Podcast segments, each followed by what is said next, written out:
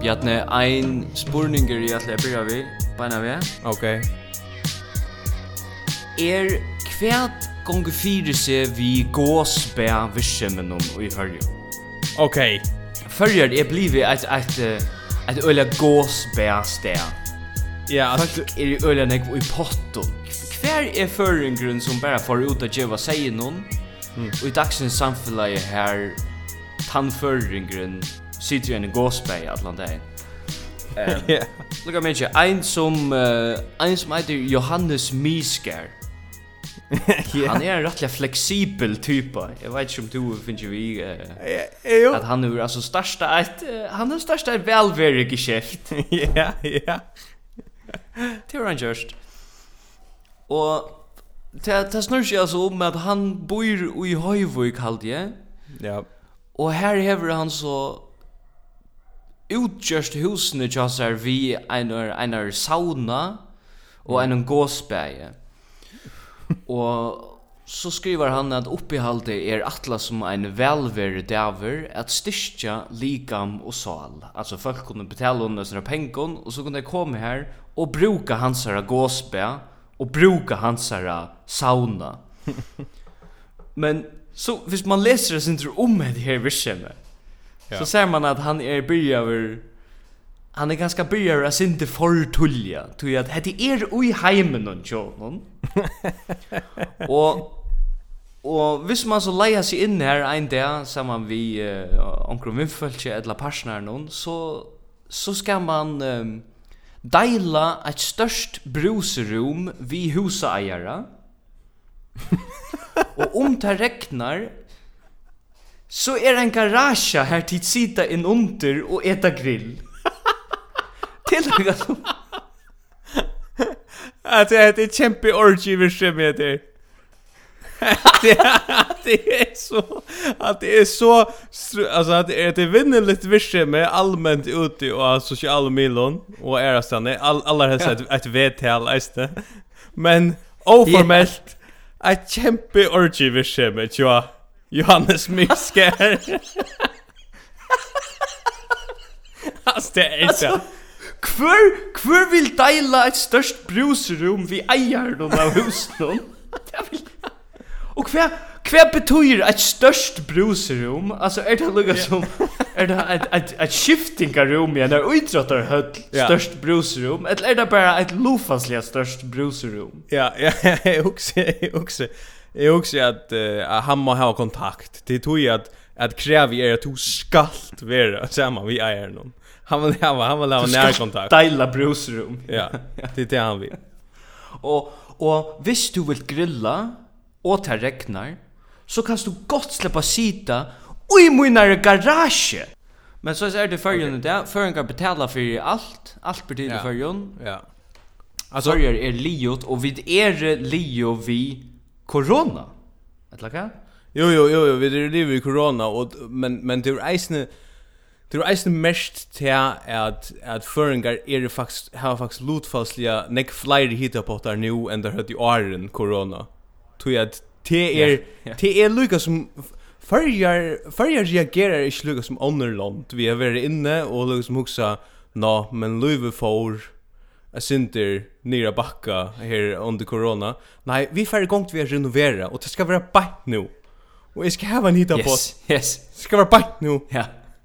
Og jeg Installera en hitapott. Jeg huksa meg der vi, vi, vi, uh, vi at føringar renovera nekv nu och generellt är är är det är det ett virus av självon att vara eller donalir till att reno, renovera i förrjun. Ja. Man kan komma öle längt vid du. Man kan komma och en en rättliga big shot ses i förrjun hvis man har ett, ett frisky uttryck som en en en sån som du vill renovera frutvinne. Där kan man där kan man vinna en Tänk om man vinner en jobb som rör vi. Tror öl, tror öl en pör i förrjun här det är här kona Lucas som säger nej vi då egentligen inte haft en en goda samröv samman i 25 år men han byggde med en terrass i sommar så det gånger väl tjock. Ja. Så tror öl en Han dora bitchen att så är er det fyrbils nökt vid det som jag har. Ja, han har funnit en bojlian hita på ur Finland. Så så Jo, jo, men men jag också jag också sälja alltså vis vis vis jag ska huxa åter och och mot relativt stort liv. Ja. Så så vill det sagt att tar man väl första till Ajanar. Yes. Så så så handlar det så primärt om att vara pener. Ja, absolut. Alltså för jag får slå kapitalet så så skulle man vara pener. Ja? Og hikker man etter alderen noen 18 til 28, så, så hukser man kanskje, nu blir jeg under ting at, at, at komme inn i kampen her. Nu er det ikke bare til at du skal ja. være lekker, men du skal ha sindra personlighet, du må gjerne ha sin humor, yeah. yes. for å få sin kapital. 28 og fram etter renoveringskapital. Yes. Det det du ska ha. Det är det du ska. Du ska då renovera och hålla en hava så vinner du resten av livet. Yeah. Till livet alltså. Ja, ja, ja. Men alltså man kan säga Leachland till att klara sig väl i förrjun och kanske sälja som manfolk att klara sig väl i förrjun. Han är inte han är inte en sån Leachel som som man inte kan kopiera, du vet, en sån en sån enter Leachel till en uppor block i Köpenhamn som man inte kan kopiera. Han är öligen lätt kopiera. Ja. Det är inte en sälja avancerad Leachel. 100%. Men ehm Föringar kun Föringar kun i efter för att fotbollstist så visst så visst jag förstår ja. Ja. Kun där stäm. Jo. Och det må vi lukka adressera. Vi må lukka adressera till att under hessar coronatøyene som er vere, her ja. öll veren hefur uppleva fullstendiga grundleggjande brøttan gerande sted, Mm. Så hever Gerrans stæren til føringen ver rattliga loiker tog som han plier å vera. Bortsett fra tog jeg føringar ikke kunne fære til fotballstyst. Ja. Men altså føringer, føringer er nøkter så langt som det slipper at fære vi bilen og kjøs her til en fotbollstist sita i bilen og vi bilen og tentra av og hitje etter fotbollstist. Det er føringer nøkter. ja, det, det. Og hvis det ikke, og hvis det ikke er det, så, så gänga det bara på fjöll. Ja. Vi føringer bare for gänga upp på fjöll, gänga om, alltså gänga på kongaværet här i Piver Arjun. Det är ett vanligt steg. Det är ett vanligt steg. Det är ett rævlig vanligt Det är ju konka fjäll. Det är ett rævlig vanligt Och man glorificerar sånne ting som man huxar. ikke, det här är inte ett gott steg. Alltså nej. Uh, uh, till att man bitcher längt upp ju i omkring sån hallar upp ju höjvik. Eh det är inte gott stä att bitcha. Låt det bara vara nottura. Hade näck bättre nottura än yeah. a booster. Okej. Okay? ja, ja. Alltså ta mesta i förska nottur det ser ut som ett oskipa gråtbrott. Mm. Alltså gråtbrott som ena för värre men som inte är långt.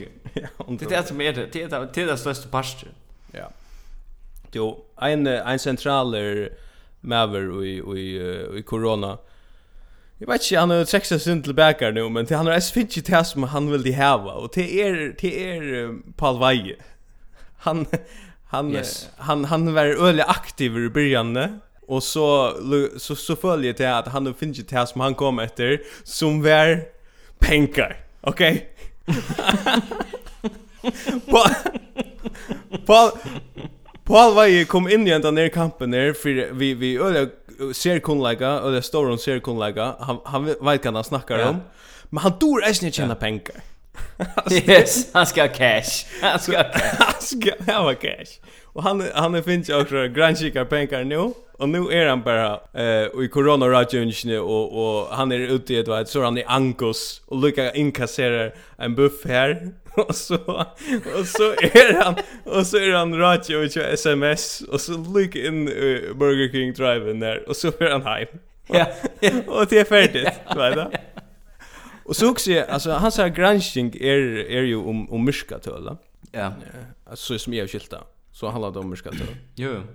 Och jag har sett att spårna till vi Mm, ikke vi, kanskje ikke vi ursle det, eller, synes, men, men validiteten i, i tog kan ikke. Tog at, tog at, hvis du vil uimynda okkon, at det er så myrka til han kan der, ja? Ja. Sensor, så kommer, lukkar så prodomare til det ser kan ikke. Kommer lukkar så fram til at, å, oh, du har funnet det, og så snakk myrka til er i fyrjun. Hvordan skal sensor vita om det er rett? Alltså, kus. Det det är mysktöl han kannar. Ja, ja. Alltså han kan säga 0 eller 100 till lika mycket. Hade hade jag hade jag gott huskot. Han kan tävla bla bla vi via pumpa pengar i i så granchen. Ja. Man ser vi finish fram till myskatöl. Nej, och det bla via bla via så det är ju. Alltså det är ju. Vi det är kom fram till en så vi måste ha 2 miljoner tror jag. Och en angus steak. Jo, men jag sa eisen til at onkur hei finnje jag vet inte över 100 till en en granskningar värska atlan som snus ju om att kanna hälsostövna tja forsara gamlon under coronatiden. Okej. Okej. Okay. Och här är flera problem vi har så värskatla. Ja. Det första problemet är att utgångsstöje, alltså som utgångspunkt så här var det forsara gamla där rattlar ringt. Ja, då man är fors ta rujer om snäre, Ta är man rattliga, alltså men det är avstå. Man tror mycket mer. Ja. Och och hitt problem är det att Hvis du byrjar en sån här kanning och säger att hvis du ska kanna hur en, en, en samfunnsbalker hever det salarlige, mm -hmm. så snackar vi då om ett avvis tøyerskei. alltså du må kanna från alla som kanske du säger vi må bruka sex månader här vid flera för när pratar vi vi hos nu för jag vet hvordan det hever det. Ja ta er det kanskje flere av taimon som var vi i byrjan, ikkje vi longer, tog at de er deg. Det er dei, ja. Altså, tog de er øyla gommel. Ja. Og tog at bøttene tja dem hava kors hei av Etlesheim fyri at dødja. Ja. Men jeg vil så lukka å si at, at hei er samtur i tui at, at, at de som hava mist negra månader av sin sista parten av løvnum de skulle hava också att fyra där kommande månader nu. De skulle ut att göra också vilt. Bungee jumping eller också. Gratis bungee jumping. Man kunde fyllt den när högskolan, folkhögskolan i Sore vi vi gamla folk och giv dem en toffee fi ett lockshort. Jag vet inte vad det är, det heter toffee fi det gamla och sånt. Ja, ja, ja. Då ehm annars eh landstorismævren og i vinnumalen og öllun hinum malen som han finnje Helge Abrahamsen. Ja. Er uimyndi mer ett som lengst längst vi har pratat så hever du att möjliga ting om Helge Abrahamsen. Ja. Og jag har jag har notera jag har notera mer några ting vi vill inte hans hans Jerninge som landstorismann. Ja. Alltså han har flera problem. Alltså och, och det är problem som är det öle ovanlig tar vi prata om politiker. Alltså ett problem som han häver är att han säger bara nej till allt. Ja. Alltså det är journalister kommer till han. Vi vi är någon nutjon tropelägga som är öle så populistisk latter att lösa, eller latter att säga att vi färra lösa. Så ja. säger han bara, nej, det är jag inte känna vi. Ja, ja.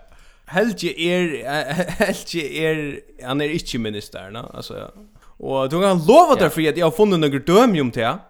Ja, det är också det. Vi kraftigt. Okej, vi tar det. Vi tar fra en ända. Ja. Helge Abrahamsen säger att eh ta ver altså, ungen skipa gongt i hea og i år. Nej. Ja. Okej, fint. Helge Abrahamsen sier så at IRF fer onka eiga jottan fra løgtingsen. Nix. og Helge Abrahamsen tar om pensionsskiparna men han atlar ikkje at Jansen kinne. Nej. Eh, Rustrecka Lowen, han atlar seg ikkje at brøyta 30% ha marsje. Nej.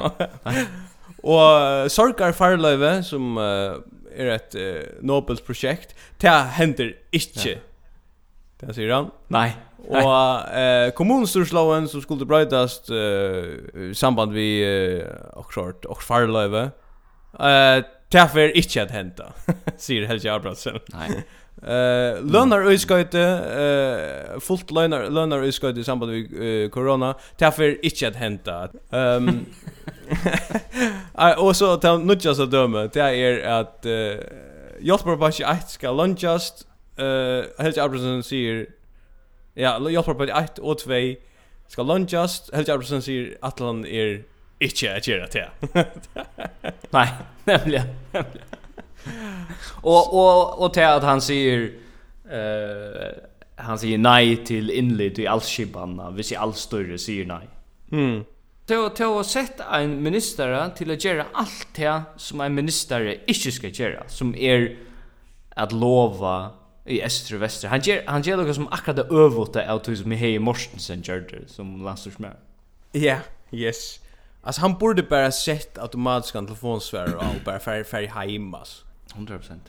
Och, och kanske kanske inte har hjälpt till hjälpt till vi säger någon tja tja batcha någon i interfyr. Batchen är inte styr på sig.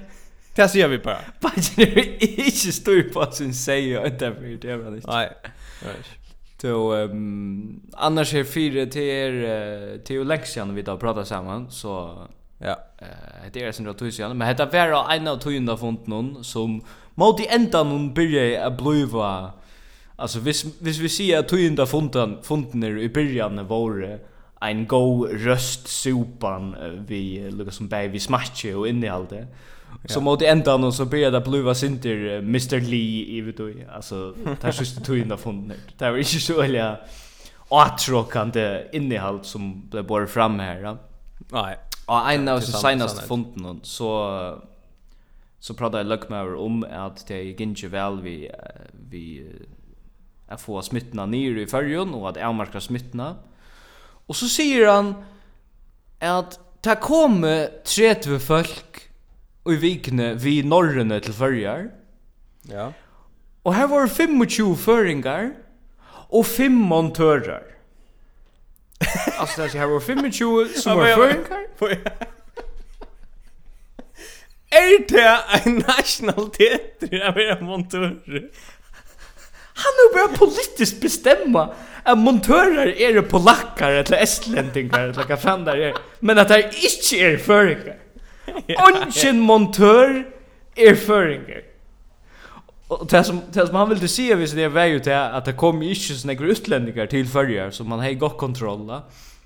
Ja. Men det är alltså det är ett slä öliga raffinera rasism att bara bestämma till att onge montörer är förrjar.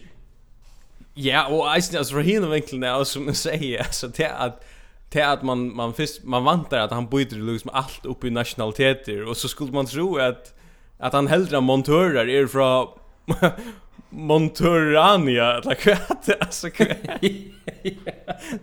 som är också det. Jo, jag jag har jag har att ehm till till några ting som som än hålla fram som är absurd skölta i corona körer och Torsanar kommuna som som är en en öler rik kommuna. Next next stars folk brukar neka pengar och allt förskälligt. Ehm Tei hava en tendens til at uh, sucha til at tei ikke stod at gjøre sitt arbeid. Altså, Torsjana kommune har innse at Torsjana kommune dår ikke at gjøre sitt arbeid, så nu ber de öll ånder okay. gjøre det. Så nu, okay. nu er det liksom, det som vi da snakket om før, det er vi talgilda din boi, her man, yeah. her, her man liksom ber ånder sier, hei gert dit, vi hava ikkje peiling av hva vi gjerra, så senda okken hoskot. ja, ja. Og det samme er hent vi Karla Magnusar breit. Eller Karla Magnusar breit, eller, eller hvordan man sier det. Uh, ja, ja.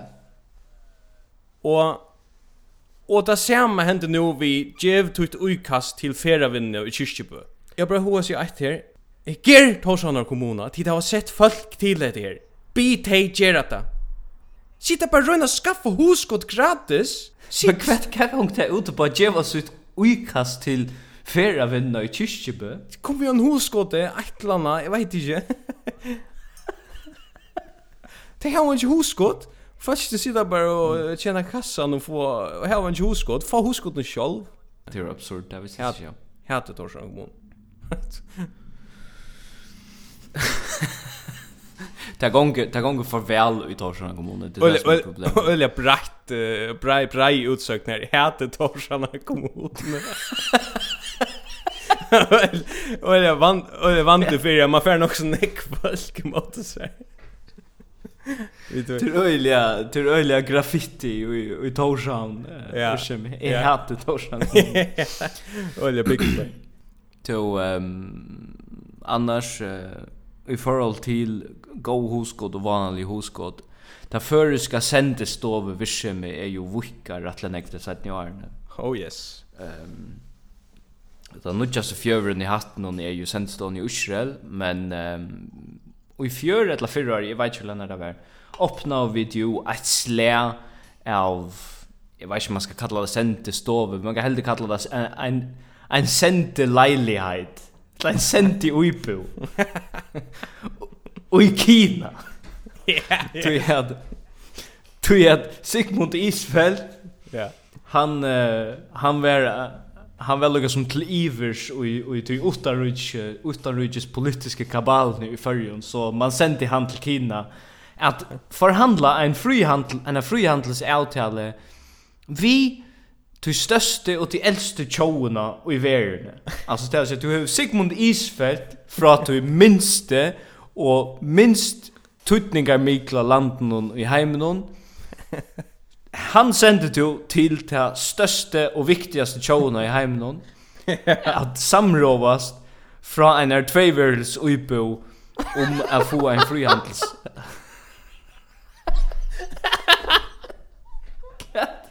Er det så det av imendla seg? Han er vel så sofa, vi kjør så langt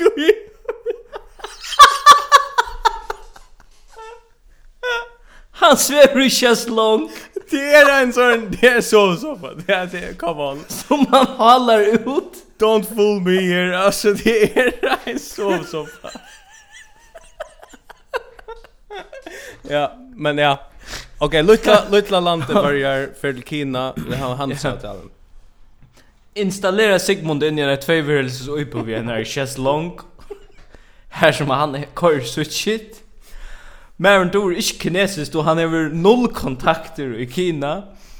Og så leser jeg av våre portalen i siste vike, at sendemæren har rapporteret heim ur Kina, at utlidene for å få en goa uh, handelsavtale ved Kina er go, tog at, sitat, sendemæren hever et godt argument.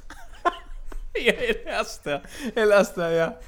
Och man får inte veta vad för argumenten är för det. Man får slett inte veta vad det är. Nej. Och det är bara sin nej, kineserna är inte intresserade av isen här. Nej. Det är inte vi på det här. Nej, nej, nej. Ja, Kina är för att köpa negv ting som är vid heisen i Norrland med annan Norwegian. Yes. alltså. Yes, nu richa kineserna in. Ja, ja, ja, nu är det. Mm. Och uh, vi kommer glömma allt om men uh, om Huawei inte Jimmy Ferrier till Ferrier till Jimmy Ferrier för det. Tack gott. Eh kinesaren köpte ju i Norwegian, va? Ja. Och tyvärr så bjärka i den norska staten Norwegian bant Iron att det vanliga flåfälla i förra heisen. Ja. Ehm um, Och jag har det syns så Norwegian Hvis du hever til halt her ute i du vanlige borren og i flåfersle, ja. så hever du taxavirsemmet til Victor Carlsen halt hine menna og til goa borren og i taxavirsemmet. Yes! Alltså det där största motsättningarna i heimen är Fær inn i et Norwegian flåfær, eller ja. sett inn i taxabilen til Victor Carlsen. Det er tjeneste som, som Victor, Victor Carlsen leverer vid en flaske av vatten og gå en beinblås og gå samrøve. Fullstendig, ja. Fullstendig. Jo, jeg må vende... Øylige sprittar og biler, eisen. Ja, ja. Yes.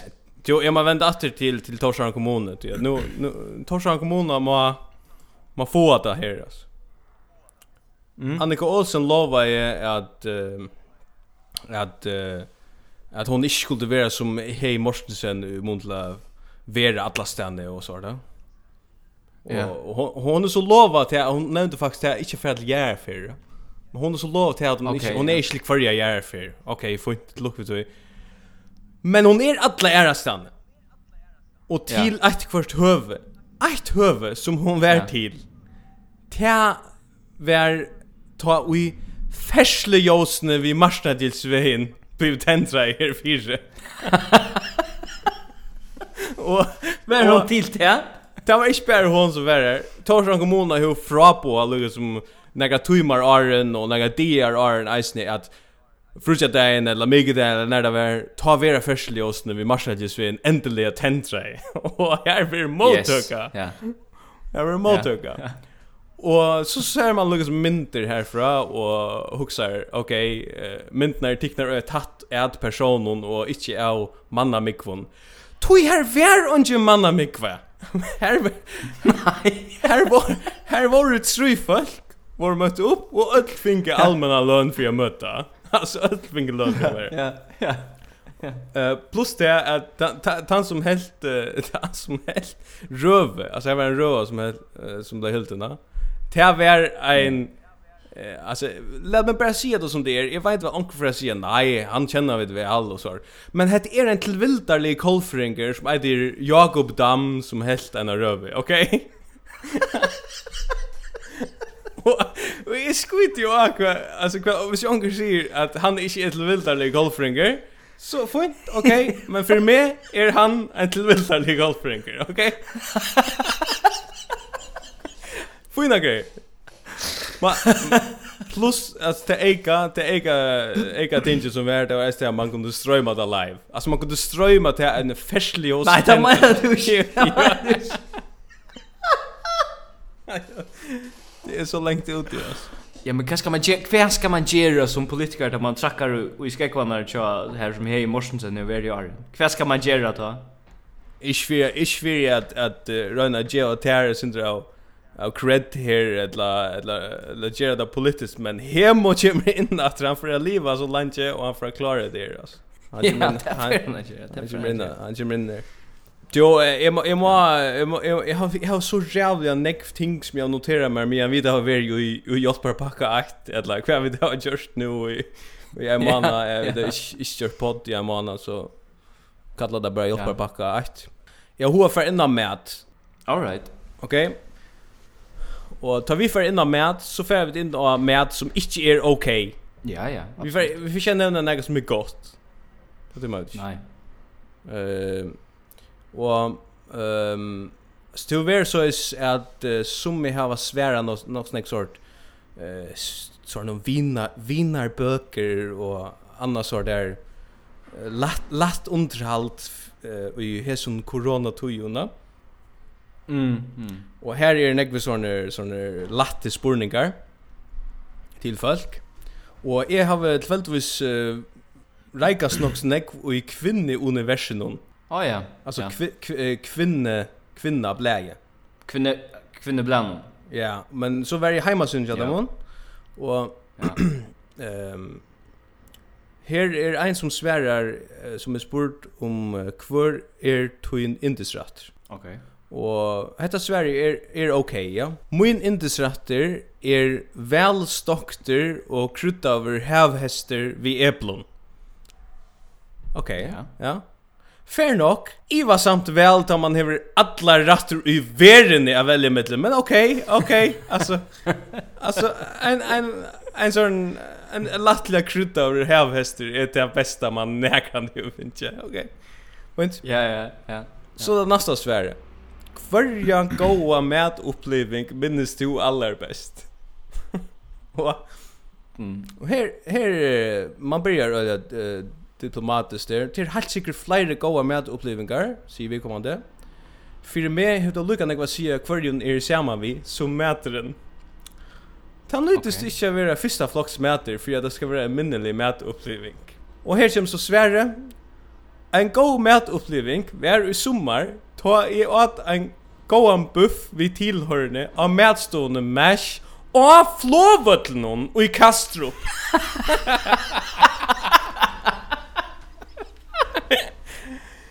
ok.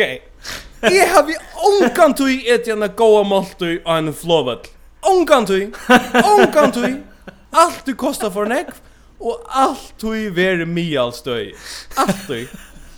Men det er utroligt, du hever alla vererna och öll tunne mätar upplevelser jag kan löva som du kan välja mellan och du ändrar av mash vi Castro. Castro. Ja ja. Så och och och du fick en goan buff vi tillhör det checkar att du specificerar heller inte om det var att det är ehm Harry Kovac Harry Kovac Kovac Det var okej. Okay. Uh, vi vi vi måste ta några stutta server Jag har jag man nu klipp isne som jag läser spela. Ja. Ja, ehm. Um, Har nu klipp? Jag Jag jag lukar ta ett eh en bo här pass en en Ludvig Mashenk. Eh Porno Stefan. Yes. Eh som eh hur finns ju äknande Porno Stefan tror jag att Ja ja, alltså han har rest ett uppskott eller om porno, och banna porno. Eh, ja. det har varit en av diskussion om om man nu hör skall kalla han porno Stefan och om det är uh, nog så du vet om det är sin child för han över kallar det. Mm. Eh, jag vill säga att det är inte hopping. Det är en realiteter. Okej? Okay? Ja, ja. Det vill säga det är som att säga Peter Öl. Ja. Det är akkurat det samma som att säga Peter Öl. Peter säljer öl, Stefan ger lower uppskott om porno. Ja, ja, ja. Men alltså det är det är snär fettaren som har valt att lansera sina politiska karriärer vi porno. Ja. Yeah. Alltså det är inte något annat. Nej, det är akkurat det. Men ehm um, Arne for weird, are up to have flyer yeah. on the thing om det här. Jag har noterat mer att att sams att check som som ståst av to you att Jens Arena tog den där spurningen just Stefan Vujar, ja. Alltså Stefan sätter en en en fyrspurning att tinche, Helge Abrahamsen säger nej, så kom Jens Arena som bara är landstyrsmävare i Ötlund Malon och säger att han vill stäcka porno i förjarna. Ja. Så uppstod ju en goer försker klassiker check traver av Facebook. Ja? Och Her skriver ein, her nekvar goa meiningar og nekvar vanliga meiningar, men ein meining er øyla interessant. Han skriver så ser. Jenes burde fyrst stekka pedofili, sujane badna misbruk, arn han stekka porno. Hvis Jenes stekka porno, så får vi bara ett missbruk av personen som ikkje får nøkta sin tørv av neten etla vi bløvun. Okej. Okej. Citat slut. Alltså det ni förren nu ut i rattla djup om vattnet och i en allmän checkform. Ja.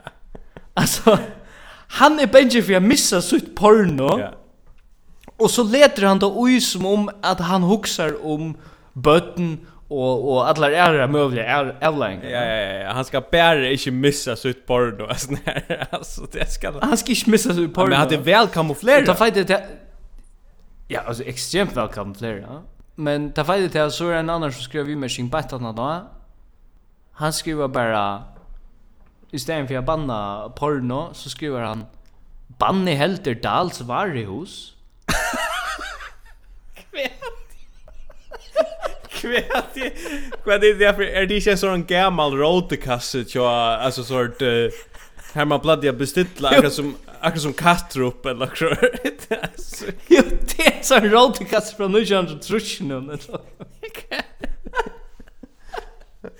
Banne helter Dals varuhus. Ja, fina grej. Alls falsk, alls falsk när jag åtgår rätt i förrjun. Alltså det är för av väl fjärde korsar. 100% ja. Jo, en annan som kött skall uh, viast och en väl. Det Torbjörn Jakobsen. Han skall han ska Yes. Ja. Ja. ja. Och nu får vi då spela klipp. Han är så rogue. Han är ja. rogue och och vi får spela klipp men det blir inte vi Torbjörn Jakobsen. Vi får en en en smutt vi runt om så går vända ut åter till toppa. Okej. Okay. Eh uh, eh men uh, till samma ämne det handlar om eh heimafri som Från det, ja. vi det får fri fyra Men Nej. ja, vi må bara tagga det upp in till att det är något som bara vattnar ut. Yes. Eh, uh, hette är hette är Eisne en god vimmar Jokon Paulus Ron Pedersen. Som, oh, ja. som, som är borgarkör i Västmanna. som är lugga minna av kordiskuit. Alltså jag lugga minna av allt det Han är ju kordskuit. Okej? Okay? Men han helt bara fram som en grej. Ingen minns alla gav. Han han är väl rättliga irriterad om det vi att uh, sheep uh, russisk sheep la visst nog uh, västmanna och larma. Ja. Och han säger hetta. Jag såg att man i kvar nästa Man, man kanske inte såg jag. Det är akkurat som att ha var en landebygd standard i sovkammaren. Okej. Hej game. Du, du vet sikkert hva jeg vil visst men nær hever Pauli Trond haft en plantebil och i sin kammare. Nej. När är han haft det?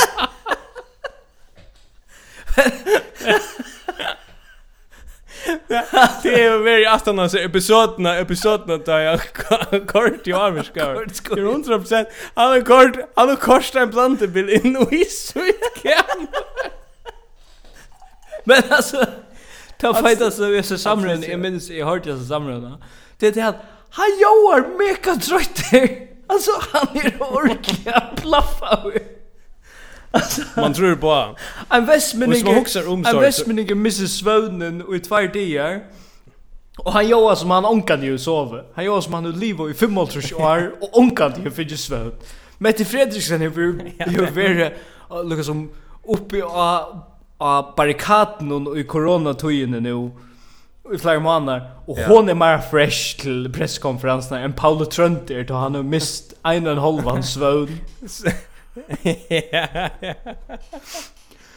Men altså, Paolo, han må eisen komme og være sin til bare statsmæver, altså, at Alltså huxa om att det ser Winston Churchill eller yeah. eller Olof Palme eller vad man ska nämna, och såna yeah. big shots i politiska reserver, ja.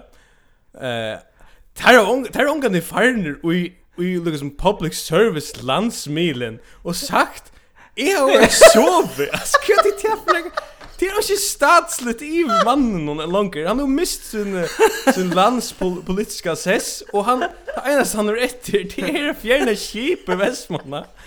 Altså, hva er det? Det er ånden Han er gå England. Det er ingen stor politiker i verden som har grant seg om han ikke vil sove. Alltså det är inte okej. Det är inte okej. Okej, nu må vi vända till Toppa. Nu börjar vi glömma han. Alltså, Toppi vi finns ju akar fra, eller finns ju en nös, eller nefs, eller också år som man ångan du brukar. Men man brukar ta ta det luktens yeah. ombudsman från Gerda. Han finns ett nefs från luktens ombudsman. Yeah. För att kalla hemmafri för kverulantar. Ja? Yes. Som är ett gott år. Årsens år. Skut ver vi corona. Kverulanter är årsens år. Ja. Ehm um, Og det, det ble sagt nämligen att det ble sagt att det er heller ikke travi, det er ikke travi om fyra sidingar si att en kom kommuna kallar sina borgare för lantar. Nej. Och ta kan man vara ta kan man vara nog så samtidigt att det är man 100% samtidigt. Men det är ju travi väl like. Det är så fresh att göra det. Ja. Ja. Alltså go för för ska för vill eller gärna vara utra vi går om fyra sittningar. Toppen vill inte vara utra. Det är jävla mål att vara utra vi går om fyra sittningar. Alltså han är ju han är ju så vi vi Estrad alltså, alltså han ja. Estrad är köjer så show nu alltså nu ja. nu ska på här under tunneln här och yes. så köjer det yes. så så så, så flyter att Estrad går in efter och Toppi är totalt i sen vi Svin Biner Johansen målbalk alltså det är han kör på alltså. Han ska köra en Mario, han ska bli Mario Dennis Rodman och i Chicago Bulls. Han ska bli Mario. Jo, men apropå heimafri og at det er Mali i Vestmanna, jeg leser eisen negra iveskrifter om at det er Mali, ja. Ehm og tei og i heimafri var jo øyla glea, tui at tui at Paulus rundt ikke hei sove og tog at Mali i så storne olvara at vestmenningar agera i pronte vi is nere, og, og banna i hesson russiska kipen at komme atter av Vestmanna. Og i beskriften vær halt je vestmenningar vísa vegen.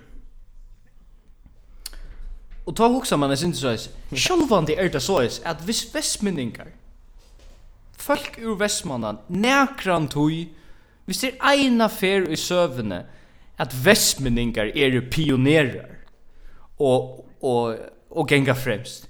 Så er det at det snur seg om at gjøre det høyligere å sova. 100 procent. Fyra för röna. Alltså det är ena så för det är ena så för här västmeningar är sån revolutionära. Ja, för att få det nyare tempo. Här till och inte längre. Och och så också jag som så. Hvis vi setter vestmenningar i verden, vestmenningar er jo rett vekk fra verden, men hvis vi setter det her inn midt i verden, så som verden ser ut i det. Ja. Så vita vi det är vestmenningar är fria lite folk, tar hade lukka som, tar hade inte starsta annan värld där bara det, bare for jeg slipper berjast, etla kolvelt, onkra marskna var kipan, etla nega som helst då. Det hade där inte. Men ehm Vestmenningar hade gott kunna funnit på a koron coronavirus. Akkurat tog oh, ja. at det får så ekstremt gåan fri av coronavirus. Ja. Det får det får det som näck mera frälse till att till att vara sett. Ja, till att vara hemma och till att vara avbyrd. Och det är ju andan när alltså det är synd som versus vet jag men att, att Bar Nilsson nettopp skulle vara han som sett förr ner i fair.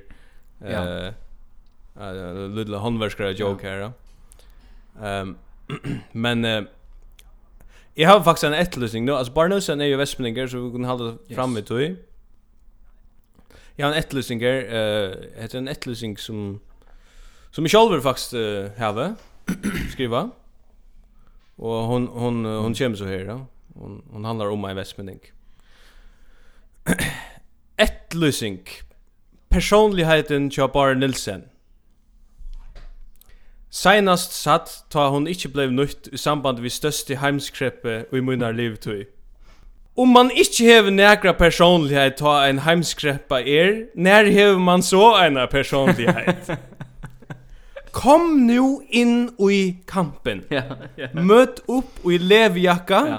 vi Thomas i gære frisyre. Ja. Kom nu. Stekka vi sig grönsor, byrja a banna. Kom nu. Kom nu inn i kampen, personligheten jobbar nøsen. Hetta er en etløsing. Herdet. 100%. Jag hoppas om vi mött vi vi välvilt. Jag att jag spelar ett klipp nu, eh att träd och eh det är ett klipp som handlar om stövna mian corona herjaje och och eller var i hatten ja och och man rönte att börja åter och några vi skifte var grej och några vi skifte var okrej om vad skulle börja åter ja all right ett av tingen någon som var ivasamt att börja efter var swimming. Ja. Ja. Ja. Okej? Okay? Ja. Och här snackar vi alltså eisne eh kapping, swimming kapp, swim swimming kappingar, ja. Mm. Och så hörde jag den där förmannen i så kan säga summa samband i allt det där. Okej. Okay. Ja, watch. Ja, och han han han uttalar sig han uttalar sig i någon och han säger så hetta som är bite mesh ju som är rättligt absurd. Du hör det här. Alltså det är inte det. Vanliga, jag har rönt på att känna det vi man ska helst köra fler än tudje som, som samlas och det är ju sera att för, för jockon. Så man teler till domarna man ska ha för hana lovliga kapping så kör man öliga kött, kött upp att tala tal bara till som jag skulle när domarna att jag tog tackar vänta domare. Okej. Okej. Okej, du ska ha 12. 12 12 domare till swimming. Ja.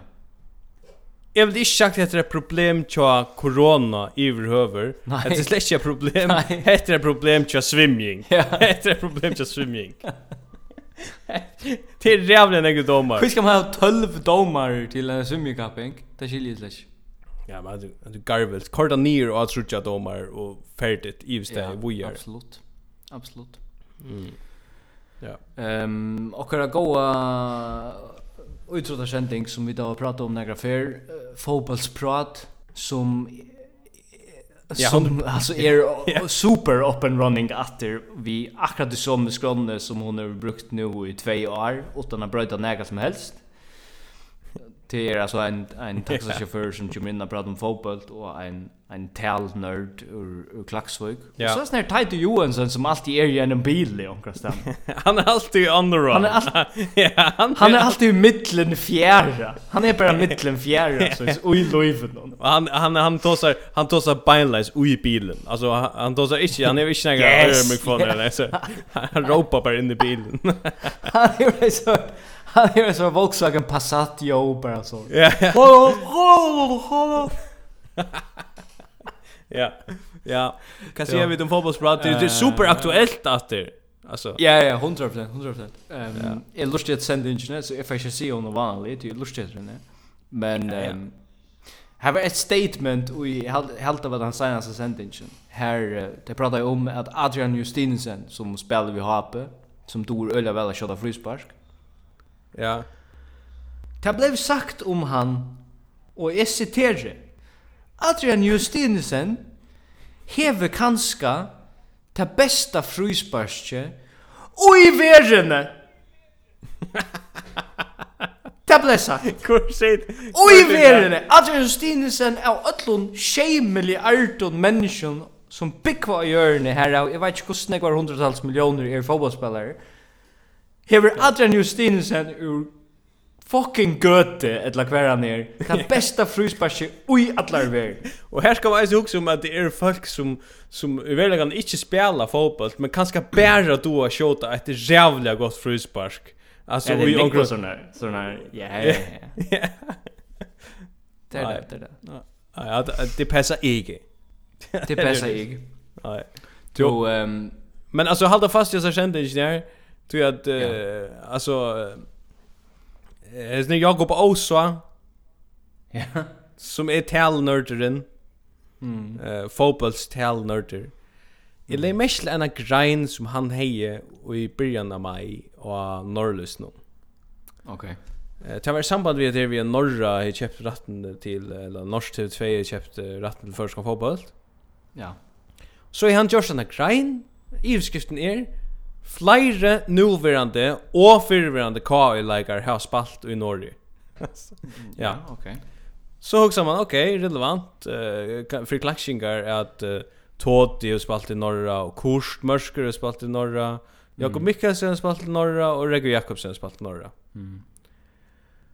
Men så teker han det lukka som ett ölja lengt sti langer ut. Alltså han får, han får ordliga, ordliga veck från your förbindelse. Okej. Okej. Du är är sagt här så här så för alla likar är okej att tacka vi. Ja. Så säger han, okej, okay, kanske att den norskast godkänning av hette kan vara vi. Sen Patrick Johansen spalt där. Han spelar nu vid KI och Ottmar Ferro spelade i Eisen i norra och spelar nu vid KI. Ja. och så och så fer han. Så fer han way out här. så så snackar han om ånder norsk samband vi at Johannes Bjärstaløy hever vant vi er noen fjelleie i Norra.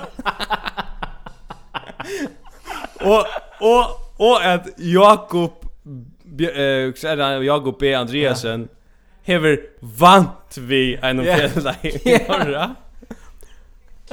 og så det sørste, det er til senast kan nevnast at Kai Leo i Barstalstove som spalte vi norska felan om Levanger i 2014 til 2015 og i nøkker år spalte vi K i, i ungdomsfotballt. Nei, nei, nei, nei, nei, nei, nei, nei, nei. Maren er jo analer om etter, han er jo fullstendig... fullstendig fornegg. Men ikke... Atis... Ikke, alltså det är okkur gale vi Klaksvik. Det är okkur fullständiga ludicrous gälle vi Klaksvik och öllum tusen gånger fyrir sig långt norri. Eller jag vet inte om det är egentligen, men Klaxvik här är här halka norrlöse är ju den bästa den bästa lugga som stickpröven på kvad Klaksvik är för ett ställe i världen, ja. Og ja. oansett hva som hender i världen så skriver Norrløse nøglunda der så med greinene om de så med tingene, ja. Og ta i Norrløse ikke eh bruka sunnar sunne sin, blötla spittla allmän starsfolk ut eller eller kvarta nu er eller grenju med kring om kan du kem til klaxugar filma hutjen eller vad det är det vilja det skulle filma i klaxvik så är norrløse bara eitt reklame blær for lokal vindløs folk i klaxvik under skolka skjolden om yes. at det skal være et ordentlig blei. Jeg får inn av Norrløse ja. ein dag for noen viker siden. Bare ein dag får jeg inn og fann noen søver som helt var ræv interessant der. Under tøyende og mentan 3. mai, det er altså for tvei viker siden, stå i beskriften, «Ta grør kring Hanos. Hanos Hansen har finnet tre lomb Nej, for Hannes Hansen stjóri i JFK samtækjunum og det var yeah. en grein. Og så er mynd av Hannes og, og nøkron lompo. Det var en grein. Ja. Ja. Samma det. Tria Det er så ekelt, att det er rea ekelt. alltså. Nei, nei, så lustet det snir. Nasta grein, samma det, eisne under tujende og mentan. Og, og ja. legg til mestis er korona er alla stedene i verden, og det hender, det hender nekv shit i verden. Ja, eisen i Klaxvik. eisen i Klaksvik, under tøyen du mentan 3. mai, heva kjøltrene vorspe i år, spurnartegjen. Gonge tu i hian og i dag, etla dianar som koma, så er godt å vita at sagt verer om kjøltrene at de skulle hava fullt reier av krossmesse. Ja. Grein lio. Nei! Nei, nei, nei! Det er ikke nei, godt å vita! Det är inte gott att vita det. Nej, nej. Alltså visst det är näka som är värst att börjas till mot i förrjun, att det har vi sagt därför, så är det något som heter snäverskickne tjoa folkon som grundar sina argumenter och kvär, alltså och geografi, ja? Ja. Alltså kvär, kvär är er det. Jag ser inte spurnar till, jag ser inte, jag ser inte kvui, eller kvui är det så, eller kvärt är det som händer. Jag huxar bara kvär. Ja. Hver er det? Hvis jeg er i Klaksvik så halt jag hetta. Og i för spyrja, kvui? Kvui halt jag hetta? Hvis man er redaktør... Geografisk...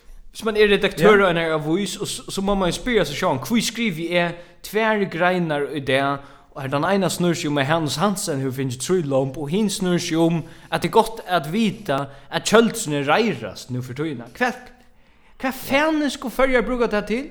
Ja, det är det är fullständigt ladligt alltså. Norrlös som har stämpla in i världen. Ja. Ein fyrir som er stempla inn i verina, og som vit uh, skilta eina, eina, ja, jeg vet ikke, bukett eller okkur. Det er altså en maur som, uh, nu vi tål som journalistar. det er Vilmund Jakobsen som er stempla inn i verina fyrir fyrir. Altså, han, han hever vunne, ja. Tui at han hever alltså fyllt Tom Hagen sätchne. Mm. kone Tom Hagen sätchne til horena kan man säga. Och så ja, är horen öppna. Och så hegger man efter du og huxar, vad ska? Vilmont. Vi skilda til en ombering. tu jakstra i hessa sövna. tu sniffa det fram till det suspekta vi Tom Hagen. Ur förrjon. Mm. tu är en vakthunter Ja. yeah. Kvui er han ikkje sender til Norra at dekka sætjina? Kom nu, Argur Lindskog! Mer, Kom nu! Jim man en Pulitzer for det her, altså. Han er fixa det. Han fixa det. Han er, han er den einaste maveren som hefur fixa det her. Han er han som har sendt uh, bevisene om Tom Hagen, Ja. som nu vera kanna. Det er 100%. Ja, ja. Og, og samståndes hever han til iviskottet at skriva æra greinar, sjálf man han har haft nekva gjørst, nu senast nu att skriva neck om Tom Hagen. Han har han har han har ett sort evskott att han han har skriva era grannar han har med annat skriva hesa grannar och in.fo som uh, har evskrifterna eh uh, Allan och i starv som bitchy frank. Okej. Okay. och um, och alltså evskriften handlar om Allan som er kommet i starv som bidgefrøyngar. Ja. Mynten greinne er ein webcam fra en HP-telti ui 2006. Alltså det må bara inrömma att jag det är det. Och Och Öle HP. Öle. Ja. Och det var appe. Och och under utskriften är starvsprøytingar är farna fram og tekniska del Charunovikar kommun. Fight. Ora, ora fight. Runavikar kommuna har sett allan Norger och i starv som Bidje Frank. Han börjar i starv någon hin 1. juni och i år. Allan er utbyggd tim timpermauer og har sett den lars til Bidje teknikere og Bidje Frank. Allt gott om Allan. Alltså, ett lukk vid starven Allan. Ja. Men spurningen er ganske om det skulle stäja in.f altså det er det lukar det. Ehm um, Samstundes som alla norger ver bitchefringer tja kommunene, verur farløyves starve tja Potle Olsen, som han var setter i hin 1. november i 2019, oppstia til fast star. Asså hva heter det? Hette är ju bara granna du inte. Alltså Visst du jag finns att här vita att Farlöv starv vid Chipotle Olsen var uppställd fast starv och du var granne till Chipotle Olsen. Så hej du sagt vi Chipotle Olsen sagt jag. Jag ska att look vi tog och så du för vi är vid en dag. Du är ju också heter vi allmänna Ahoa. Han lägger bara messenger på ut som tog in där grejen här. Ja, ja. Det är fantastiskt alltså men då, uh, men alltså respekt för uh, Tom Hagens att nu. Ja, Wilmond nu. Nu är Ja, nej, han har täckt skiftet totalt. Han där. Det är han. Det är vi bara där. Ehm Eh vi vi har klippat rätt. Klar klipp. Vi skulle vi skulle vi skulle in och vi skulle in och en person som vi då snackade om förr åter och heter en central person åter i corona. Hetta er hetta er landslagnen och han skäl. Yes. Han ska stäckas. Det ska Han ska så stäckas alltså. Han har rådat sig ut i, i, i, i ett vanligt geschäft. Det må man bara se på den vägen. Alltså. Ja, det... han, han, han har gjort några fejler, okej? Okay? Mm. Och hvis du lustar såna klipp någon så kanske du inte lägger mest till akkurat kvärt det är det vi, men det de lukkar lustar det snär. Har du fået konstateret antistoffer mod covid-19? Altså i forbindelse med en rejse heroppe i midten af, af marts måned, der bliver jeg eksponeret for, for smitte. Øh, men jeg var jo i karantæne, så det gjorde ikke noget, så jeg havde ikke nogen symptomer. Øh. Okay. Det som du åpenbart ikke lagde mest til, det er at dette var altså uh, i forbindelse med en rejsning. Dette lagde ikke mest. Og och alltså jag också bara han var i karantene sier han. Ja. Så det er inget problem. Ja. Men her har vi ju Håsbyrja. När har han haft reisning? og hver var i rummen någon? Och kvar han uppenbart fikk corona i forbindelse med en reisning. Det er är fan ikke ok. Okay? Landslagten kan ikke bli vi på en av maten åttan av vit. Vi sitter til till Apersvihet nu. Altså, Han skal ikke være i noen sexuella kontakt vi noen person medan han er i karantene. Ja, vi ska ha Vilmont innan däcket så sövna. Vi har en borgarstjóra i Västmanna som är en blandebil inne i, inne i husen.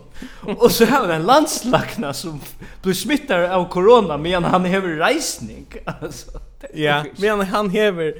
Alltså, ja, det är slett okej. Okay, alltså. Och landslagen generellt alltså han är sjukliga och uppbusande. och i syn och i syn är så samrande med John.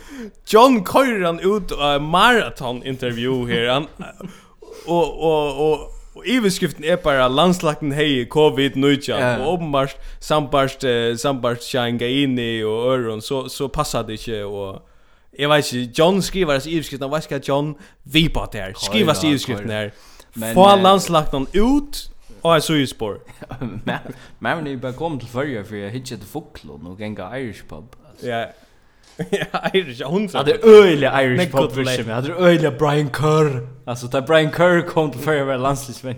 Det var ice för hitchet folklov och gänga Irish pub. Det är alltid det som... Vi må bara stäv. Det är alltid det som är örent när jag utlänningen i förra. Alltså, det är inte karriärstepp, lukar som. Ja, vi må eis bare stafast at det ta man eitir okkur lands, okkur anten det er landslisvenjare, etla det er landslakne, ja. så er det altså en bægebillett. Ja, det er det bare. en stort notis av Arjen, føringar har vært øyelig okay. presseier i koronatøyden. Jeg vet ikke om du ser alle så her underskriftsinnsavningene til at uh, tvunnkje søtterhalt og, og corona-frujar, följar, Facebook-bölkar och allt sådär. Och generellt, corona hever, hever i scene sett en hundans rygg av fölkje som ångande borde finna en scene i löven. Men uh, det är ju kom nu på en scene, ja. Um, ja. Stay home, save lives, remember what matters och sort du sort hashtag vi ser med. Men så är det aktivistiska eh hetsande vision som er veri av forskjellige Facebook bulkon her där med landa at i eina stå bara sån uppslag av Facebook passa till at kinesarer så just køyra rundt i leiebilum i fyrjum.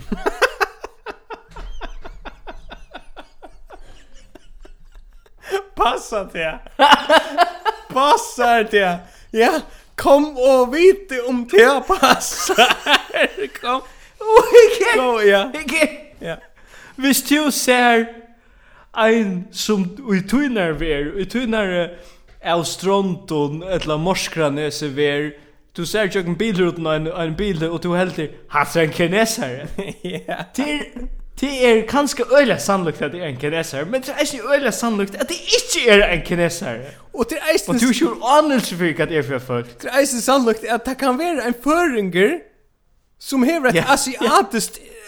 En asiatisk er utkjønt. Altså, hva? Ja. Men jeg sa, jeg sa nemlig, jeg sa nemlig at det her, altså, jeg sa sånn i oppslag her i hukse, ja. hetta er fake, men hetta jo finnes 500 og 500 deilingar, og 100.000 vimmersingar. Ja? Hette er en fake server, Anker som skriver Snakka vi en mann nere i bygdene som, som tog seg utlengst. Og han sier at han var kannar av flåvetlen og han nokta jeg for søtter alt. Hette er så fake server, Hette passar ikke. passar ikke. Passar ikke. Jo, jeg har, jeg har anker fating etter. Ja, hörra. Eh jag husker jag huxar särskilt om eh att vänt åter till kvinnebläje. Eh är tog en mynd av kvinneblänon som är läsen också ofta. Men som att det här går grejer du jänkt ja. Ja. Och som att du kan man ens du vet eh alltså vara inspirerad av att läsa också man inte som inte är nordlös eller eller att att alla norger är sätter starv som bitch frank. Här är öle, här är nek var lavendel greinar eisne. Här här är är lavendel lit. Ja, ja ja ja ja. 100%. Ja. Men het her, eh het det här avsnitt eiter kropper och sal.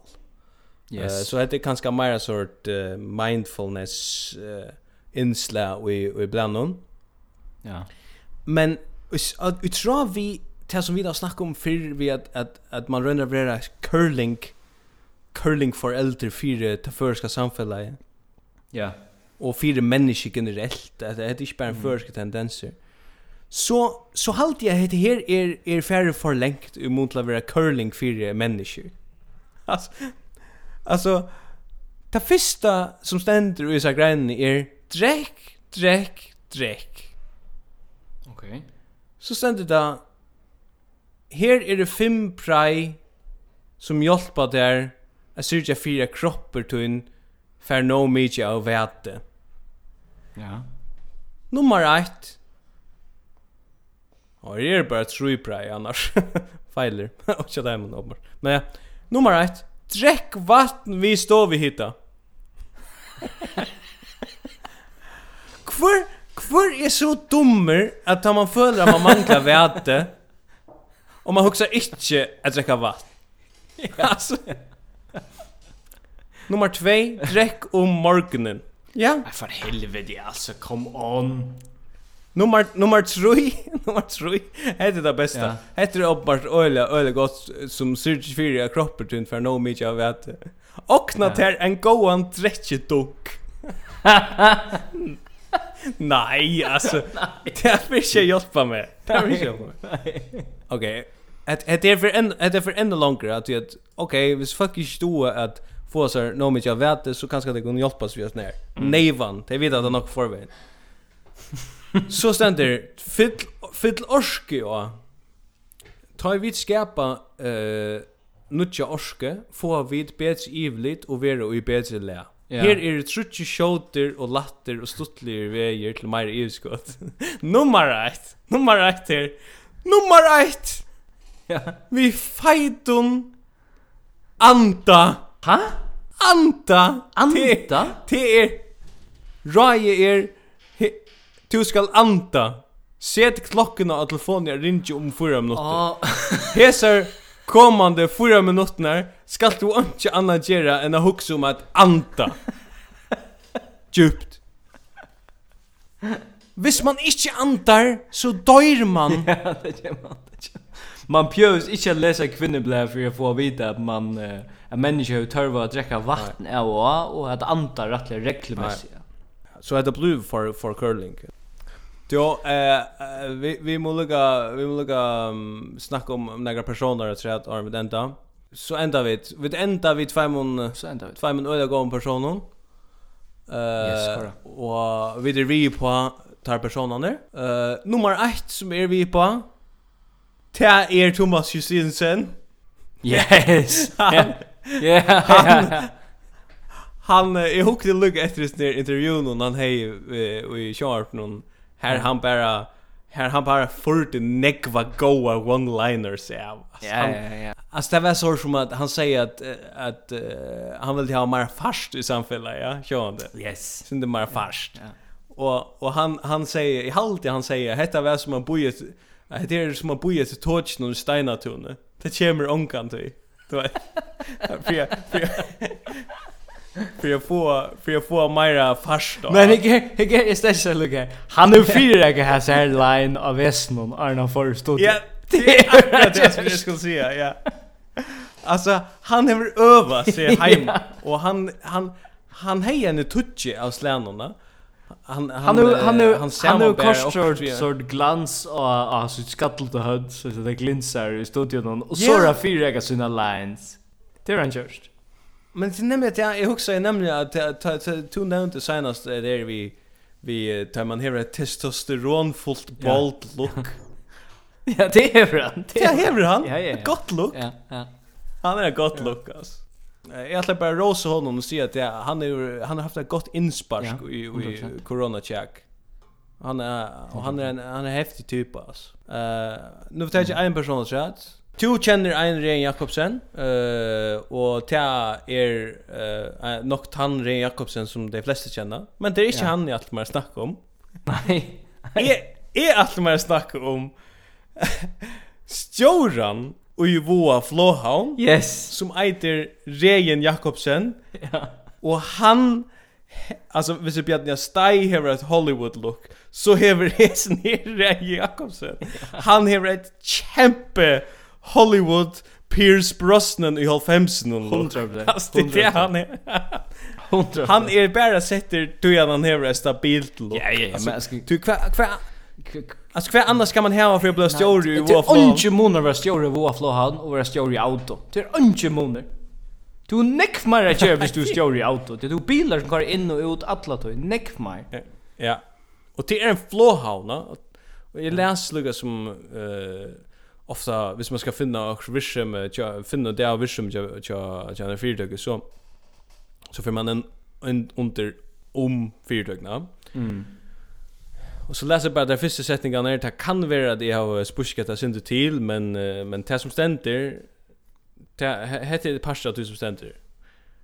Enda mallet jag vår flåhan är att det ska vara gott och tryggt att färast om flåvatlen som er Porsche mittel färjar ut hemmen. Inte en svär uppgång. Nej, nej, nej. Så ständer så ständer Eisne.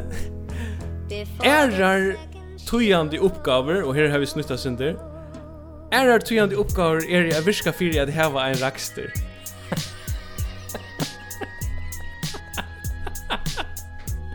Alltså det är för att jag Det ska bara vara gott. Ja. En färja som flowden och så ska man ha en raster. Liot. Och så gott look, alltså det var standard. Det är inte mer.